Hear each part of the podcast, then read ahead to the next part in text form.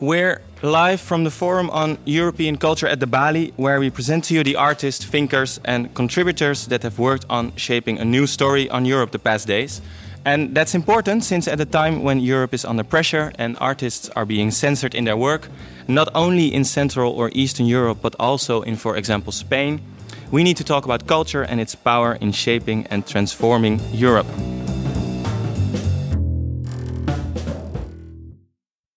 Um, my name is Tim Wagemakers, and you're listening to this while the last day of the Forum on European Culture is still underway.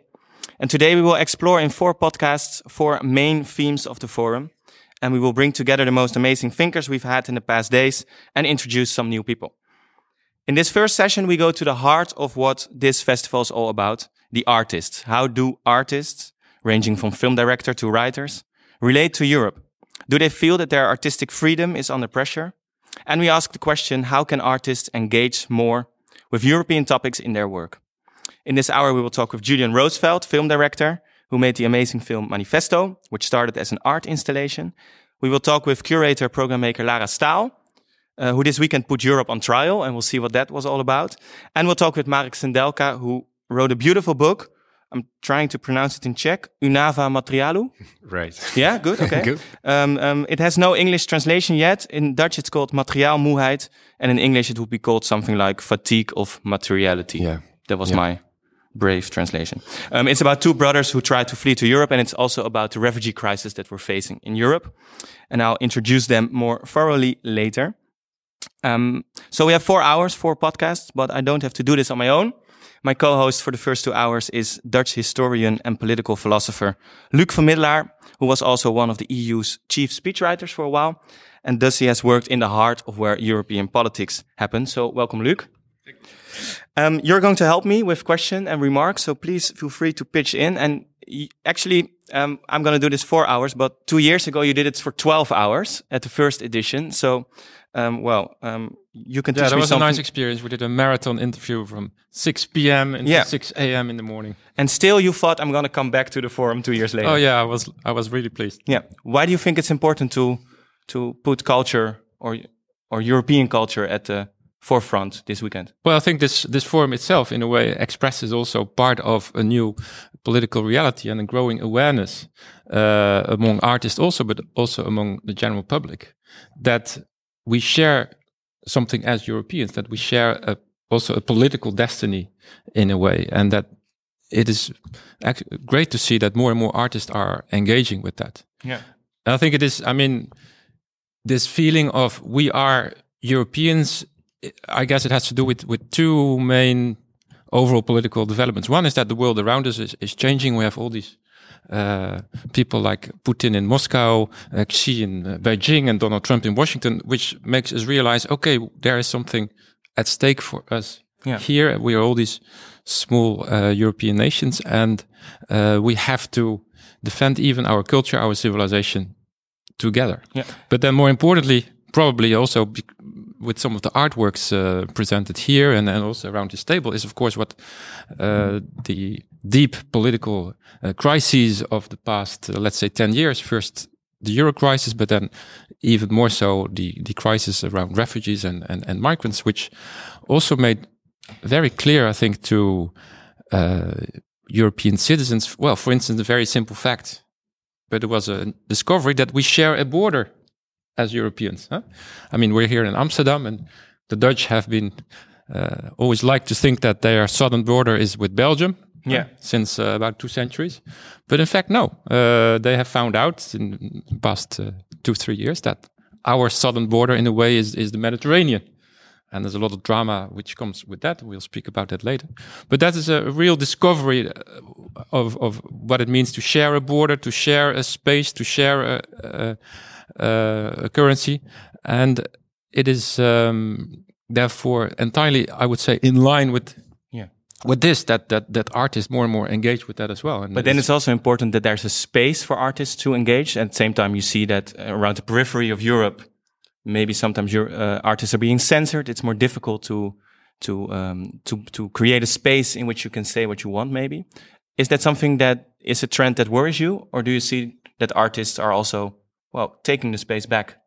No, I think yeah, that is clearly a very worrying uh, trend. I mean, you're more or less referring or alluding to what is happening, for instance, in in, in Hungary or, or Poland, where the space for free expression, artistic and and political expression uh, is under pressure. But but not only there.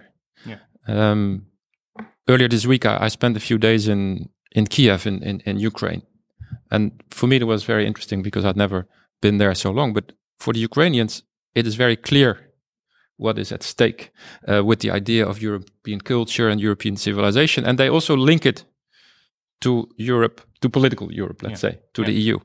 And sometimes it seems as if you have to be outside uh, Europe, be it as a refugee in the Middle East or be it as a uh, country on the threshold of belonging to the European uh, Union, to really experience and and, and feel um, what is at stake and why culture and the way we do things in Europe, including this great value of freedom, artistic yeah. freedom, um, is really at the heart of yeah. what it means to be European. That's also why you write in your book that we're not only a political community, but also a community of stories that we tell each other. Without stories, you cannot be a political community. Well, I'm happy you're here. I'm happy you're going to help me and pitch in. Um, we're going to talk with three people, and we're going to start um, with uh, Julian Rosefeldt. Welcome. Um, German filmmaker, you made one of the most, I think, remarkable films of the last years, Manifesto. Um, um, we're going to screen this film today also. You're going to be there. And it's a film that started as an art installation, actually. And um, um, just for the listener who doesn't know the film, can you, in short, explain what it's about, what's going on in the film? Basically, it's an homage to the tradition of artist manifestos of the 20th century. Artists have been writing manifestos since uh, Filippo Tommaso Marinetti, the futurist, Italian futurist, published his manifesto on page one of the Figaro in 1909. Uh, until until recently, and I, I, can see we are observing a, a rinascimento of the manifesto now uh, due to the rinascimento of populism all over yeah. the world, and um, it has been a little bit um, abandoned as a form of expression. That's certainly due to the fact that we have situations like this now to express your opinion, uh, podcast interviews or panel discussions or a, a blog. Uh, but it is uh, it is back on the map now. I think um, artists have written manifestos as a in a in a moment of their life when they were mostly still very young um, in the early 20s. So it's also an outcast of a generation, if you want so, of a generational, uh, of a moment in your life when you're very young and when you're just moving out of your parents' house and you're actually angry. You want to change the world. you want to change the world. And uh, art historians often um, don't see that aspect of don't include that aspect of age when they look at these manifestos as monuments of art history, thinking that as the visual art that later derived from these manifestos became so famous and ended up in the MoMA or somewhere else, um, that these manifestos are equally mm. um, stable and and substantial already. They are substantial in their in their meaning now, but when they were written, I think they were rather an expression of a great insecurity and fragility, and that led me to the fact that these manifestos are actually great expressions of uh, poetry and lyrical expressions. Um, of young writers and thinkers yeah. more than just visual artists. And so I try to, as I like to say, wipe away the dust of art history and all the, the, the thick layers of interpretation of art contextualization and just look at the pure beauty of the of the of the yeah. words and bring Actually, them you created 13 scenes right right where Cate Blanchett plays a different current of, of, of art or, or, a different wave of art and she portrays these manifestos in different characters right so she's a homeless person she's sometimes uh, art historian speaking to an audience. She portrays many different roles. Right, they're all contemporary settings. So uh, in order to forget of uh, kind of yeah to forget about the the art historical context, I brought them all into our days, no matter if they were written 100 years ago or just a few years ago. And she plays all these contemporary characters and kind of impersonates or becomes almost the manifesto by bringing them into quotidian situations and just uh, instead of performing them, um, almost breathing them. Yeah, and maybe before we go into, because you've already said many interesting things about why it's important to talk mm. about manifestos, but it's it's it's a difficult job you try to do because these manifestos are sometimes difficult. They they evoke great ideas, and then you have Cate Blanchett who is performing them. Um, you worked with her. Can you take us to the moment where you maybe started to realize that this was going to work because you had the, all these ingredients together, the manifestos, Cate Blanchett, you wanted to make an art installation, and somehow it clicked together in this composition. How did that work? Well, first of all, I had the best actress. That's very That important helps. to mention. Uh, she's outstanding and able to to you know speak very complicated uh, words in a in an accessible way or make you believe you understand what you're hearing at least. Um, that that is very important. I was putting together these manifestos because they are actually the 13 scenes are edited out of about 55 manifestos, which are a selection after reading hundreds. And so my work was basically, you can almost say DJing uh, between these um, different voices and thinkers, or imagine myself like in this situation. Now we're sitting around an, uh, a round table. So let's say it's three in the morning, and in the middle there's a few bottles of very good wine, and most of them are empty already. So we're having this really hot-headed discussion on things that we, we don't agree on everything. We're throwing arguments to each other, but we sympathize with each other, right? This is also a, a nice um, I think, description of this very forum here that we don't necessarily agree on everything, but we sympathize with each other and we, we feel the need to, to meet and to get together. And this is how I managed to, or how I tried to manage to put very different thoughts into speakable, hmm. one speakable text. And that's when I understood, when I, when I stepped back and left the visual work, as I said before, and just tried to grab words out of these manifestos that are actually make sense in dialogue with each other. I thought this is actually something that is very meaningful today and that is worth doing. Yeah. And how how does that energy translate into into today's uh, situation? Because I have not seen your film yet, uh, um, and ha- so I have some difficulty in in in understanding going from Marinetti in uh, on page one of the Figaro or, or others to okay, it's 2018 and we have him in a contemporary s- setting. What does it evoke, or what does it send into motion, or what does it challenge? Or Well, I like to say that a work of art is completed by the audience. So I have learned a lot since the work is out, uh, since about almost three years now as an installation and about a year now as a film. Um, I've traveled the world with the project and I've understood that, um, or learned that many people um, see this film apart from the context of or the content of the very manifestos that are quoted in the work, see it rather as a call for action because they feel activated by the text, by this, by the pure um, attitude of all these texts. These texts have all something in common. They break with the past. Uh, that n- they are not necessarily interested in the future. They, they address the very present. And this is something that you feel through all the texts, no matter how complicated they are and how much they talk, even the Dada texts that kind of talk like, you can say, simply said nonsense. But the sense is not in the, in the content of the, of the verbing of the words. The sense is in the attitude. It's in the, in the, in the idea that you as an individual are addressed as as the audience and are activated to act to do something. And they all have this they, they have this energy together. So for me the work became something like almost like a, a freshly charged battery which just uh, releases all the energy once it is screened or performed as an uh, as an installation. And the audience in somehow is infected by that. And the other thing that I observed is that um, I show the work now a lot also in in countries that are uh, where democratic values are targeted, like in, in, in the US, uh, in, in Turkey, and now I just came from Budapest, where I showed at the National Gallery. And I like, of course, specifically now to show the work there. Like, uh, unlike some of my colleagues who say, like, I could never show work anymore in such a country, which I think is a total mistake because you really have to engage with the local uh, activists, if you want, so or artists or writers and so on. And there, are the people, uh, more than in countries where we still at least believe that democratic values are still protected, um, feel the work or contextualize the work directly um, as an anti-populist anti-populist piece. Why is that? Because because This the manifestos are so um, well. I don't know if it's the right word, but almost fundamentalistic. I mean, if, if someone says the the only way uh, an artist can be an artist if is he, if he's a revolutionary, all artists is all art is fake, all art is not original. That that kind of evokes the same um, patterns that populists maybe would Exactly, use. So how do you describe this paradox? Exactly. This uh, I liked how you said like, why is that? Because that's exactly the same reaction that I had. Like, why is that? Why why do people? I thought it was great because that was my my starting point. My starting point was like, to which degree? The question to me that I ask myself, like, to which degree are these manifestos meaningful today? Do other people mainly, mainly feel, maybe feel that energy too that I feel? Are they maybe even applicable today? Can we really work with them? And yes, apparently, yes, they are not, maybe not applicable, but they are very actual. And the why is that? Um, the answer to me is that people feel, and you're right, that some of their manifesto texts have almost a populist attitude, like to the electric chair with Chopin, for instance. what a sentence. Um, but very unlike populists, which are just empty uh, talking talkers.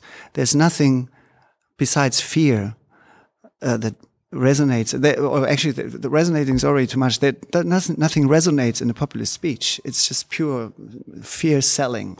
There's stupidity in it. There's um, fear in it. There's threat in it. There's absolutely nothing in it, no content in it. And on the other side, those manifesto texts, they are inspired, they are angry and loud as well. So populists are basically loud and angry people. Um, these authors of the manifestos, they're also loud and angry people. But everything they say, every, every single word resonates creativity, inspiration, uh, fuels your ideas, um, resonates long for a long time in your in your head. People are now uh, tweeting out fragments of, of the manifesto text, which I think is a beautiful translation of the manifesto idea into yeah. our uh, it, it's contemporary. to create, maybe. Yes, exactly. Yeah. No, it's it's that, but it's it's also the, the, the sheer beauty of of thought that is in this text. And I think that is something where people see that is what we need now. We need a discourse on a very high level of thinking. You know, we politicians, also journalists tend to underestimate our intelligence, even the, or our capacities to understand complicated thinking. I feel like treated like a child now when I switch on the TV. I don't have a TV anymore. We just kicked it out of the house when we moved houses because I couldn't stand it anymore. but I remember having had uh, a TV news on a, on a level of education, a didactic level of, of language that, that addressed me as an intelligent person. Now I feel treated like an, like an idiot, mm. you know, and, and I think this is something that resonates in this text. It's also striving for a higher, a higher level of education yeah. and of, of, of, not of education, of language, of, of cultural exchange. Let's introduce the other speakers also, because then we can uh, expand the table a little bit. Um, and actually, what you've been talking about um, well, I, am kind of wondering, Lara Staal, your curator, program maker. Yesterday, you put Europe on trial. It was a theatrical trial on Europe's respons responsibility in a refugee crisis. And and wh when I hear Julian talk, it kind of sounds like you created a manifesto yesterday. Ah, yeah, that's a nice way to put it. Yeah, I like that. It's also that's, a nice bridge to a new speaker, is, but it is. Yeah, it is, and I I'm very fond also of of um, of the manifestos, and I also saw your movie. Um, and it's interesting to listen to to what you're saying about it because I had several questions. Uh, like I, one thing, I was wondering because I thought that uh, the film is very strong on a visual level and also on a rhythmic and compositional level. It had a huge impact, but I do wonder like what you did with the political heritage of the texts because I feel that you also by like cutting them and, and playing with them and I understand this idea of the dust of history but I also feel there is a legacy. Um, these texts were super important on a political level and they had also consequences for the people that wrote them and that had certain um, ideological convictions. And I wonder like how you look at what you did with them now and if you feel that these are also uh, understood on that political level, let's say. And also when you're saying populism is empty, I feel it's a bit dangerous. I'm afraid it's absolutely not empty and we shouldn't underestimate it. It's actually very theatrical. And in that sense, there's a link with the manifesto. I the think. form, yes, I agree. Yeah, mm -hmm. because it plays with myths and it plays with language and it understands, understands very much the performativity of language. And so, mm -hmm. okay, it's about fear and it's about a, a conservative position maybe.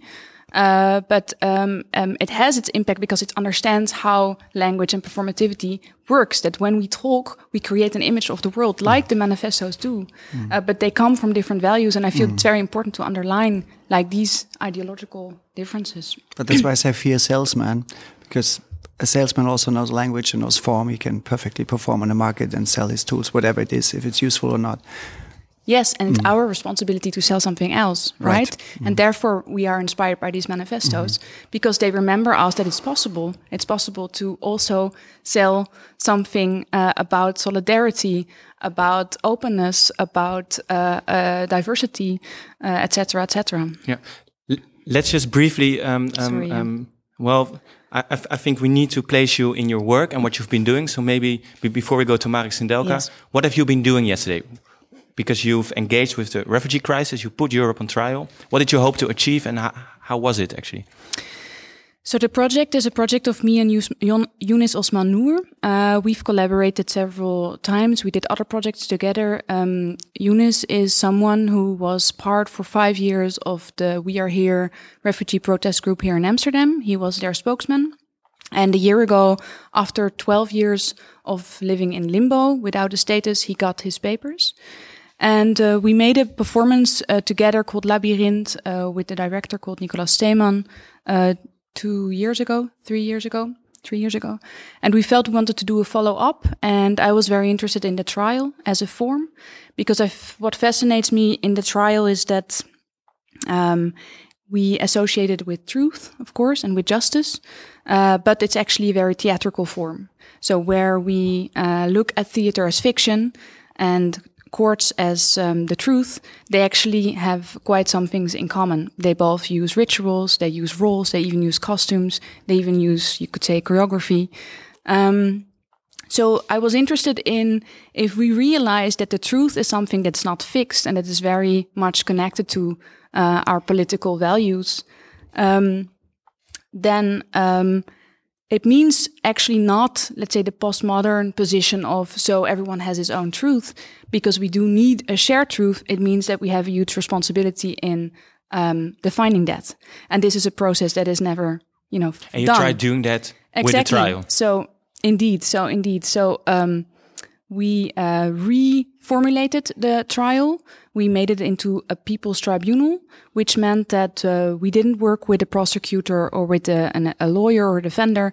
Uh, we had Yunus Osman Noor speaking out the accusation. We had three people chairing. Um, we had uh, speakers uh, invited to plea in front of the audience, and the audience actually having a double role, being both members of the jury and accused, as we are all representing uh, citizens of the European Union, we actually put ourselves on trial. Mm. And it was the idea to have an ideological trial, a moral, or an exercise in moral thinking. Yeah, yeah. It, it, it's nice, and it's also a way to introduce you because I think we've already had two ways to address a political issue. Maybe um, it wasn't your starting point, Julian. But when you came to places like Hungary, you found out that people, it evoked something. They wanted to act. They wanted to do something.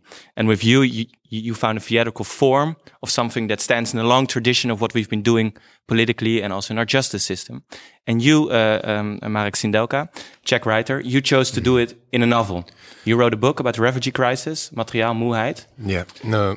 in my case, it was uh, like um, a little bit different because I I it was also a reaction on uh, contemporary politics and uh, and the situation in my country, uh, where uh, the situation is a very special one because we don't have any refugees. We we've received like twelve of them, and uh, even uh, and and people, despite this fact, were ready for war for for really the, the end of the civilization or whatever and and i felt that that some and it was everywhere. You you could see everywhere those those uh, threats. Uh, it was misused or used uh, by politicians, by media.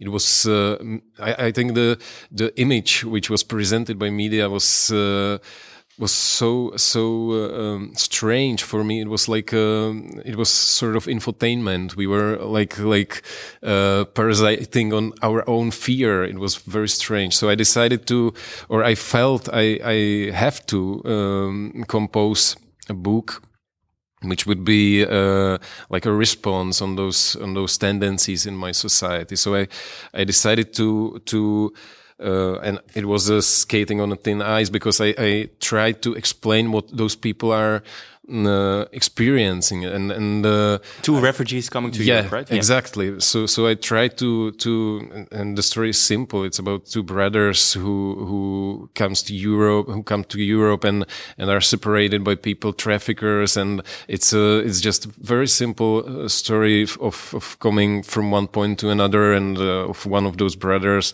Uh, the younger one is searching the older one, and and uh, he's dealing with the most uh, the most simple things, simple problems. He he he just because it, it is freezing. Temperatures are below like like twenty degrees of Celsius below zero. So so he's trying to not freeze. Uh, he, he's uh, trying to find something to drink, something to eat. He's in an unknown landscape, uh, and uh, I try to somehow.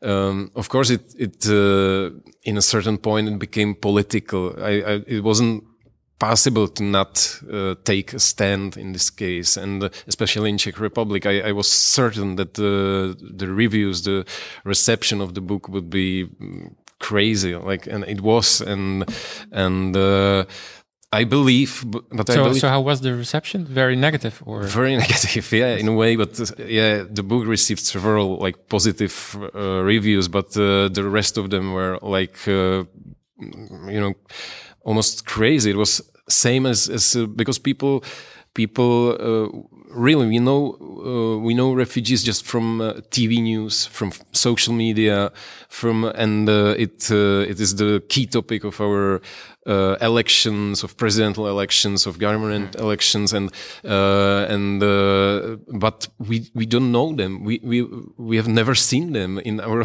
real life. So so the the problem is that it is on such a virtual level that uh, that it is like with any kind of fear you can you can turn it into political currency to, uh, yeah. you can somehow sell it but uh, you can you you are not able to deal it deal with it in a proper way so so it was also in, in those reviews uh, the same same like uh, uh, theater of shadows you know and, and maybe there was also a defensive reaction i i yeah it could be i guess in the sense that what you have been doing is is a powerful intervention with yeah. fiction in in a political debate yeah. uh, to introduce basically the the idea of of uh, human dignity, the mm -hmm. idea of a, of an individual person and yeah. his or their their stories to cut through the uh, the reduction to of of refugees to mm -hmm. to masses, uh, anonymous uh, people, etc. So, yeah. but was this also your attention as an artist to uh, have this intervention in mm -hmm. the in the in the public debate? Well, or did you just want to tell a story of two brothers um, uh, on the no, way? No, no, no. In the in the beginning, there was uh, there was the event, terrible event when when a lorry, a van was found on uh, on somewhere uh, on on the Austrian highway, and uh, it was uh, loaded with dead bodies of Syrian refugees, and they died like 20 minutes after the door were closed uh, because it was uh, it was kind of you know it, it, was a van which was used to carrying meat, mm. so so. It, there was uh, no wait for air to come in and then they they died uh, in those 20 30 minutes and i was shocked and uh, uh it was also i was uh, somehow emotionally uh, shocked because like my daughter was was four months old then, and so I, I was somehow uh, I, I, felt that emotional arousement, and I was I, I, felt ashamed for my people because when you open any yeah. any kind of uh, news. Uh, you you you could found, find this this uh, you know comments on this even and that the never it was like never yeah. ending chain of hate comments and uh, and I was I was just shocked what what what the world uh, is what what what, yeah. what, has happened with the world and uh, and I felt somehow responsible for for those people so I decided to um, and I believe art is always like in general literature and art in general is always like a sleeping antibody of uh, uh, you know some some diseases which uh, can occur in society. It's something which is which is uh, here uh, to reflect uh, the the global situation, and you. I think you should stand for people who are. Uh, like for minorities, always. It, it is not the. I, I believe that's the that's yeah. one of the like like main purposes. but but that's interesting you say also, Julian, because you could see artists and how they engage with the world. I mean, everyone has their different role and you can't generalize what an artist wants maybe, but in, in, in these current developments in Europe, sh should you say that the artist is there to um, to show different sides, to maybe bring confusion to a higher level and problematize a topic? Or is it time right now for us, for artists actually, to to simplify things to the level of basically what you are doing, human dignity? It's not about all those all those other images that we try to process. They're just two people trying to live a life and getting to Europe. What's your take on that? Well, I'm, I hope that art embraces lots of different um, approaches towards a language with the audience. Um, and I see the, the problem more um, in the the general situation of the of the art scene now.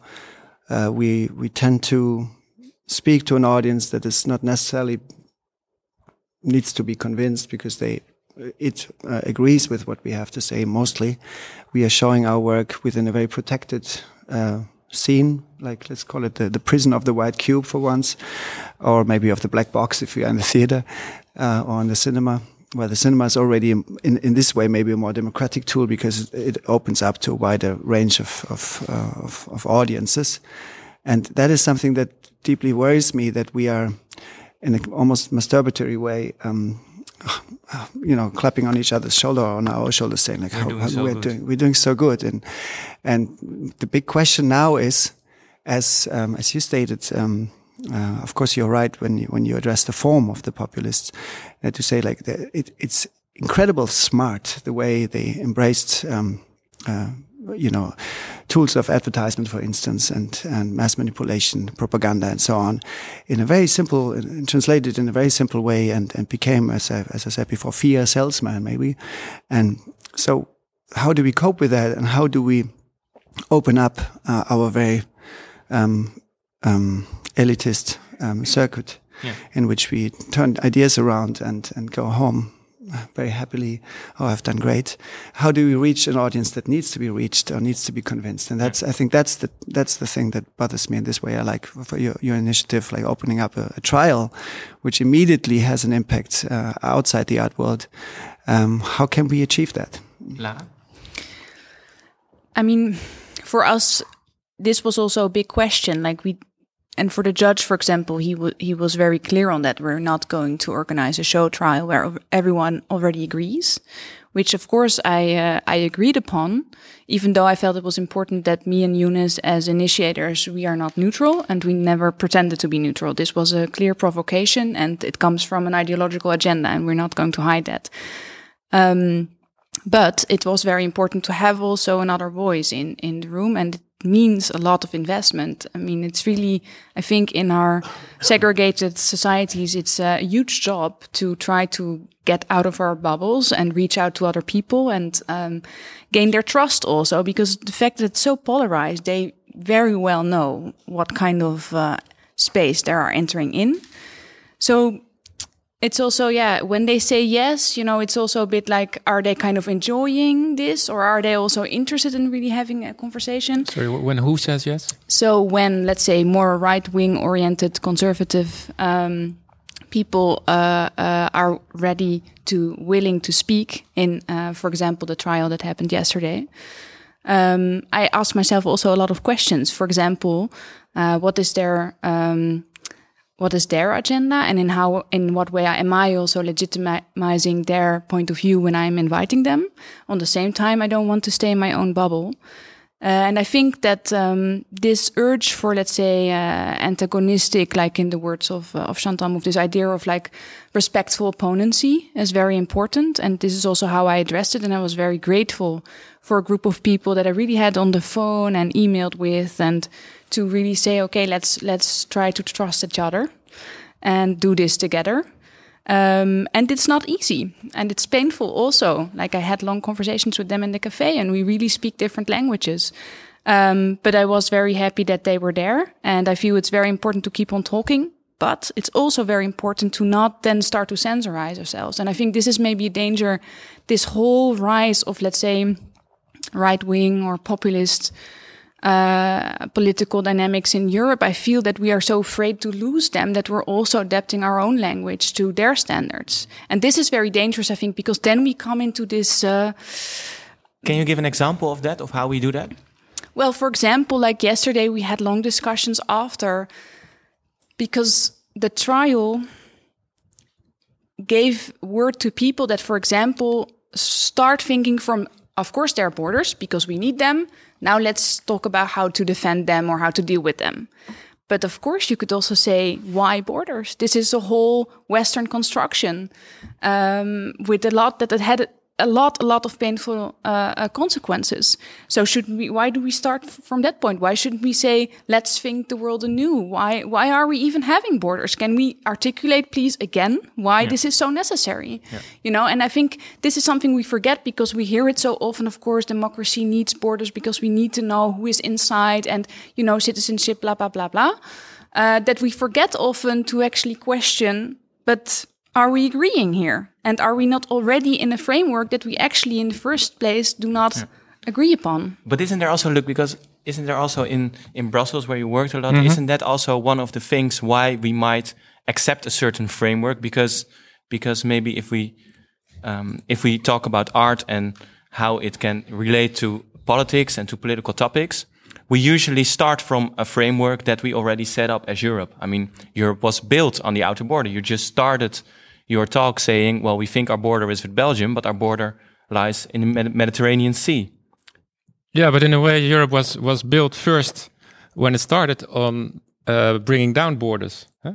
on opening up borders, economic borders, that is, between mm. member states huh? to create one uh, market uh, and one space for people to move freely around Schengen, etc. And in a way, uh, yeah, indeed, the way I see this development is that this uh, opening up of, of borders, uh, the populist backlash is partly a, a reaction uh, to that, to say, well, okay, we are now in a much larger open space, uh, but we also feel that there is a, a need for, uh, for, hmm. for, for protection. So I, I, can see that dynamic, but I wanted to come back to, to another point uh, Lara mentioned. Um, should we lower to their standards, you said? I think that is a very important uh, strategic uh, choice in a way. When you talk and and uh, Julian also mentioned it the the, the capacity of right wing or extreme right wing nationalist movements to mobilize uh, images and emotions. I think uh, and that's what you all of you are doing in your own way is to to mobilize other emotions and other images to counter that. And i think it's very important because for too long in a way there was no counter narrative and no counter uh, images. You had, on the one hand, let's say, again, right wing populist uh, salesmen of fear, as you called them, etc.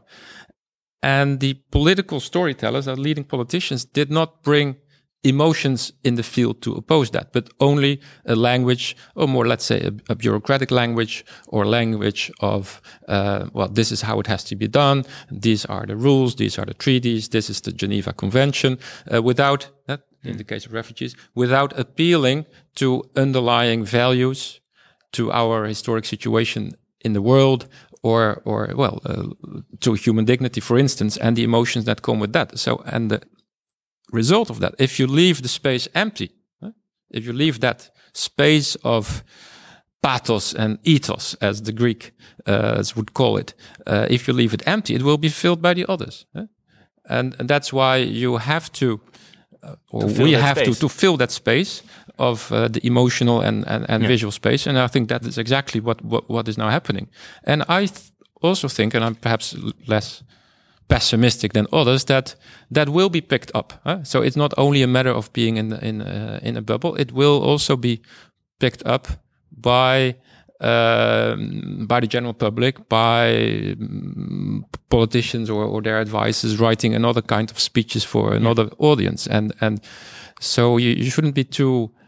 Well, uh, depressed about it. So I'm only walk, uh, working for for uh, preaching to the convert. It, but it's interesting because actually, Marek, you present a perfect example maybe of what Julian is worried about and what you are less pessimistic about because you yeah. wrote this book about the refugee crisis you try to evoke a new image and you say that in the meantime in Czech well the reviews are bad because the people feel that um, well they're actually blaming you for putting that image and the people who read are people who like to read and might already if they read the back of your book I think people mm. will buy it have some sort of they're open to reading your story. Mm-hmm.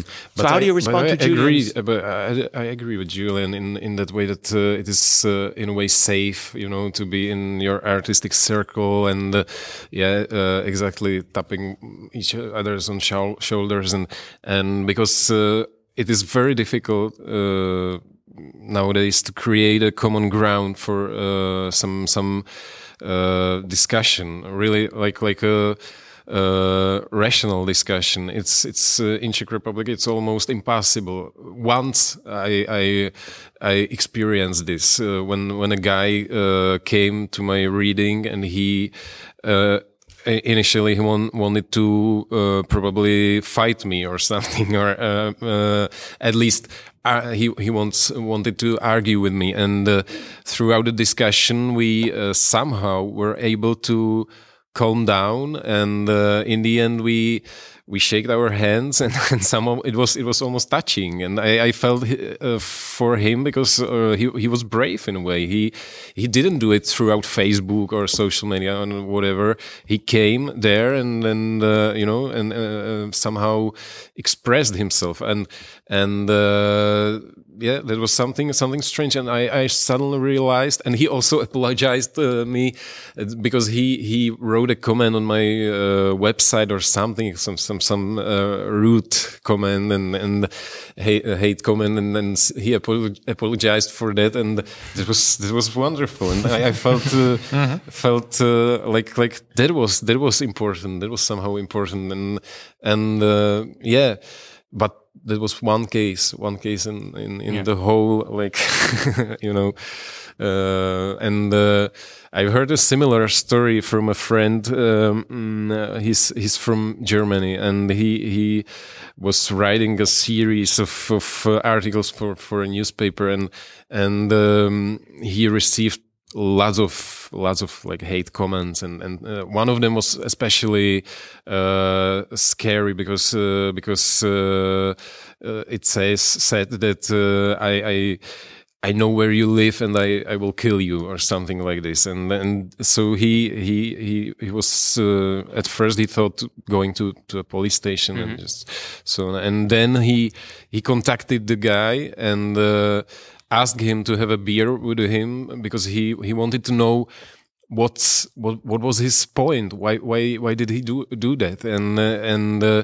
they really met and uh, suddenly it was gone. The, the the hatred was gone. They they they were able to to spend the night in a pub and uh, have a beer or, because they physically met each yes other. exactly exactly. It's the same like, like same same shadow shadows you know same same fog which is spread because we we don't have a common ground to share those idea. And uh, i think it's it's very difficult to to create one like Yeah. This common ground is, is maybe also because Lara, you, when I read about your work, there's this interview where you say that art is like an ide- ideological weapon, also that we can use it to to maybe transform things, and at the same time, we're all searching for how to um, uh, bring more people together of different standings and of different viewpoints. How do you reconcile those two? Because at the same time, you want to accuse and connect. Maybe in the last five minutes, we can say something about how we can try to uh, yeah, it's it's a bit what I already um, said before. Like, can we be open about our invitation towards, let's say, the other voice? Can we be transparent about where we stand ourselves and not pretend that we have to be neutral? Because that's also this idea. Like, we institutions should be neutral because else we cannot uh, invite other voices. And I think it's it's. Uh, it's incorrect and it doesn't work. Where nobody is neutral. So let's be transparent on where we stand. Let's I think that's also like a way of res- res- being respectful to your opponent is showing your cards. Uh, and then there can be, let's say, an honest uh, discussion without trying to censor yourself. Um, and yeah, and, and, and it, and we should realize that it costs a lot of time and, um, a time to to build these kind of trust relationships because we have a lot of dynamics in society that works work against us. So I do felt also these last weeks preparing this trial that you know as an artist or as as an artistic worker or curator, uh, you really try to fight actually very deep rooted dynamics in society that segregate all the time. And I mean, you're talking about like the digital realm and like Facebook and um, Twitter and and uh, you know all the people I met uh, that were willing to speak yesterday from let's say a more mm. right wing conservative position. They are all I all met them through blogs. You know, they have all these. Um, uh, self uh, uh, set up blogs where they write because they feel that you know our media, our official media channels are all like indoctrinated by leftists, etc. So they start their own blogs.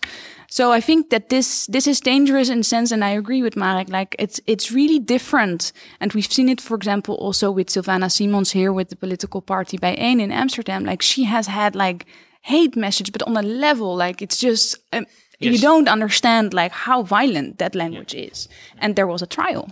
And these people had to show up and they got a face. And and and then you see it's it's uh I don't know, truck drivers, people in smaller cities, you know. And so so so and it's maybe also a question I have a bit to Marek, like because um you were mentioning, Luc, uh, this idea of like Europe doesn't have borders. Huh? This is the Schengen idea, which is not for everyone. Let's be clear about that. But that's the idea. And it's shocking how the values of Europe and on which that builds are actually operating. But that's maybe another discussion. But you said like you felt that populism is a reaction on that, a reaction on the fact that we, mm -hmm. we mm-hmm. took away borders. And I wonder, Mark, if you could say something about how you see this in, in the Czech Republic and how, what is your analysis? Like where comes, uh, this, this, I don't know, is it a desire for, for fear or hunger or like why, um, that has, does it have to do with the fact that we are intrinsically, because that's also something people are telling us now that we are needing this myth of nationality yeah. and that we need an identity. But I'm not sure that's true. So I, am interested in what's your analysis about that. Well, well uh, in Czech Republic, it's very special because we,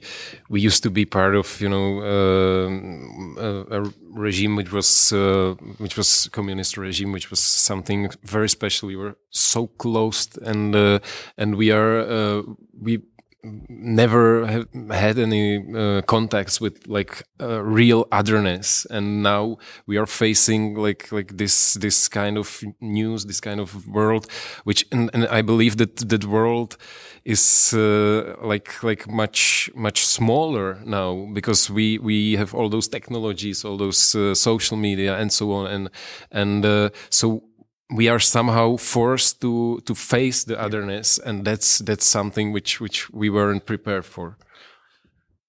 Let's for the closing remarks um um um, um uh, julian um i liked really what luc said about filling the void.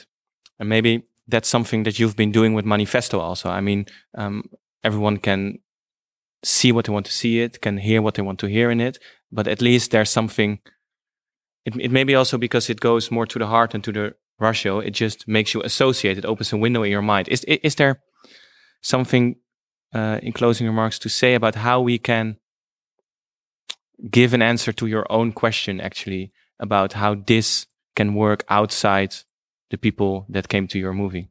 Is there, is there a method or a recipe? Well, we have one minute, so that's a bit one minute. I'm not sure. Maybe maybe I answered indirectly by replying to Lara's critical remark from the from the beginning. That of course the the the risk I took was for once forgetting about the political consequences of these manifestos that they had triggered and going back to the moment, almost like ripping off the paper of the manifesto author once in the very moment that he or she had written that manifesto and try to work with it mm. as if it was me who that paper was given to and bring it to to our time. I don't know if I can answer your question in a minute. Um, I I think if I learn something from it, it's and from the action of the audiences worldwide is that uh, it appeals to each and every individual um, as a call for action that we are addressed, and I think this is something that we need to do now. Um, in wherever we work, if we are teachers or journalists or whatever we do, um, to act and to not leave uh, the language, um, as Luc pointed out, to the others, but kind of invent a counter narrative, yeah. and on a very high level, and on a on a on a level that is inspiring other people to follow, and also think uh, uh, because globalization offers this global, we can't solve populism within Europe. We're always talking about populism in Europe, but of course, populism is a consequence of um, of globalization, of uh, a colonial history and so on. This is I'm opening up now for another podcast of an hour, but um, I'm sometimes irritated by the fact that we try to solve this within the very limits of no matter where they are our borders, uh, and that's of course not impossible. There's more. Yeah. Actually, that was quite a nice ending. I don't know if you have any last contribution to that look, or I think it was also a nice bridge to our next next conversation, maybe. Yeah, but uh, there was. I would like to make one strike a different uh, note because I think it's important for artists also to not only do politics. I was a bit struck by uh, Sarah's, uh, sorry, Lara's words of ideological weapon. I think that is also there's something self-defeating in that. If art becomes only political, uh, there also has to remain a space of freedom. And of course, there's a lot of art and good art and important and urgent art which comes from indignation and frustration and shame and embarrassment. But there's also a different uh, strands and, and, and, and, and streams in in art. And it should not only be about being left wing, cosmopolitan, and, and, and good. I mean, uh, as one of the speakers yesterday at the forum reminded us, Caravaggio was a murderer, uh, Celine was a fascist, and, and, and uh, Polanski had a, had a strange sex life. And should, should, should we therefore uh, condemn their art, or should, should that also be part of the conversation, not necessarily about justice, but what it means to be a human being, or what it means uh, to live in space and in time, mm. which, which is important to keep also as a as a space for the art world.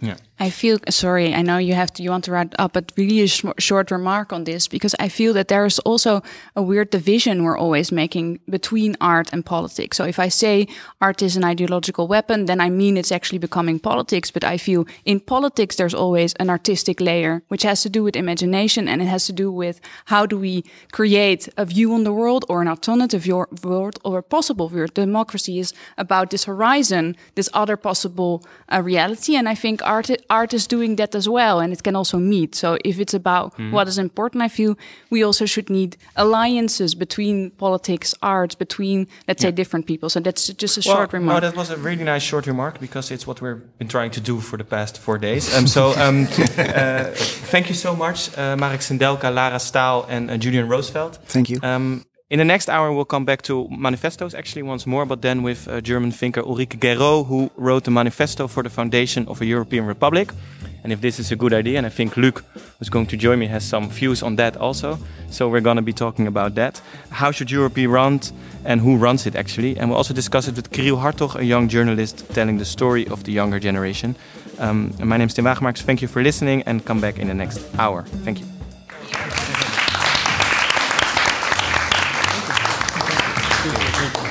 Thanks.